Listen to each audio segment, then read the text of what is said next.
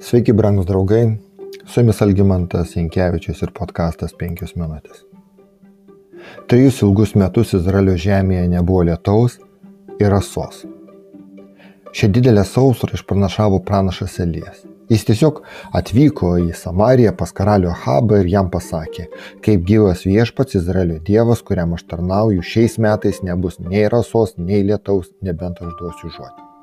Kai sausra užsitėsi tris metus, Ahabas ieškojo Elijo, kad jį sunaikintų, nes jis tikėjo, kad Elijas kaltas dėl sausros ir po to kilusio bado.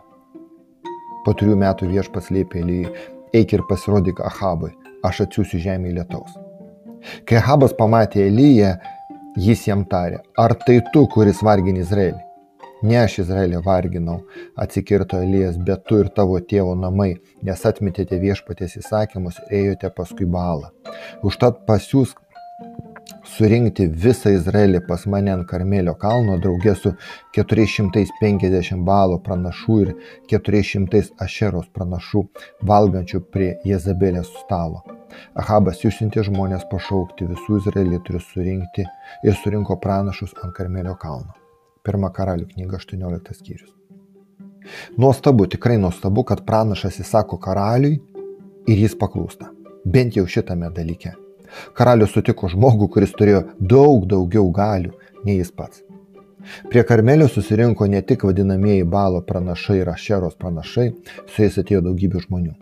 Prieės prie žmonių Elijas kreipėsi juos, ar ilgai jūs šlubuosite abiem kojom, Jeigu viešpats yra Dievas, sekite paskui jį, bet jeigu Baalas, tuomet sekite jį. Žmonės neatsako jam ne žodžio. Tada Elijas tarė žmonėms, aš vien tik aš likau viešpaties pranašas, o Baalo pranašų yra 450 vyrų. Te būna, te būna duota mums du jautukai.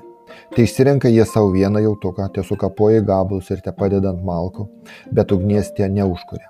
O aš paruošiu kitą jautuką ir padėsiu jį ant malkų, bet ugnies neužkursiu. Tada jūs šaukitės savo Dievo, jo vardu, o aš šauk, šauksiuosi viešpaties jo vardu. Sutarkime, Dievas, kuris atsakys ugnimi, iš tikrųjų yra Dievas. Visi žmonės atsakė, gerai pasakyta. Paprasti žmonės tą dieną turėjo nuspręsti, kam sekti. Balas, kuris buvo gerbiamas kaip vasingumo dievas, turėjo per tuos trejus metus parodyti savo jėgas ir duoti lietaus Izraeliui, tačiau tai neįvyko. Karmelėje atėjo lemiama valanda, o pats dangus turėjo liudyti arba vieno tiesą, arba daugelio. Už bet kokių pagoniškų dievybių slypi tam tikros dvasinės jėgos arba tiesiog demonai. Biblijoje apie šetoną sakoma, kad jis gali daryti ženklus, įskaitant ugnies nuleidimą iš dangaus į žemę, kad apgautų žmonės.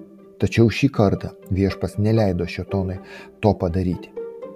Visą dieną balo pranašai šokinėjo aplink altorių, atsiprašau, aukurą, tačiau nieko neįvyko. Galiausiai saulė leidžiantis Elijas aukojo aukas. Jo auka nebuvo tik kabutėse rungtynių dalis. Tai buvo tikras viešpatės garbinimas, ko gero pirmą kartą per daugelį metų, kai Izraelis buvo nusisukęs nuo viešpatės. Elijas pastatė aukurą, padėjo medieną ir auką, taip pat paprašė užpilti vandenį ir auką ir auką, ir aukurą ir auką. Atėjus metui atnašauti auką, pranašas Elijas priejo ir tarė viešpatė Bromui, Zaoko ir Izraelio dievę. Šią dieną te būna žinoma, kad tu esi Izraelio dievas, kad aš esu tavo tarnas ir kad visus tuos dalykus padariau tavo įsakymu. Atsiliek man viešpatė, atsiliek man, kad ši tauta žinotų, jog tu viešpatė esi Dievas, jog tu vėl susigražini jų širdis. Tada nužengė viešpaties ugnis ir sudegino deginamąją auką, malkas, akmenis ir žemės. Jis sugėrė ir griovoje buvusi vandenį. Tai matydami visi žmonės polė kniupsti šaukdami, viešpats yra Dievas, tik viešpats yra Dievas. Brangus draugai, tą dieną visi žmonės gavo tvirtą Dievo galios liudymą. Kiek vėliau tą pačią dieną po galios liudijimo izraelitai taip pat gavo dieviškos meilės ir galistingumo liudymą gausiame Lietuvoje, kurio taip troško ir laukė. Dievas kaip mylintis rūpestingas tėvas vėl pasirodė savo paklydusiems žmonėms. Su jumis buvo penkios minutės ir Algymantas Jinkievičius.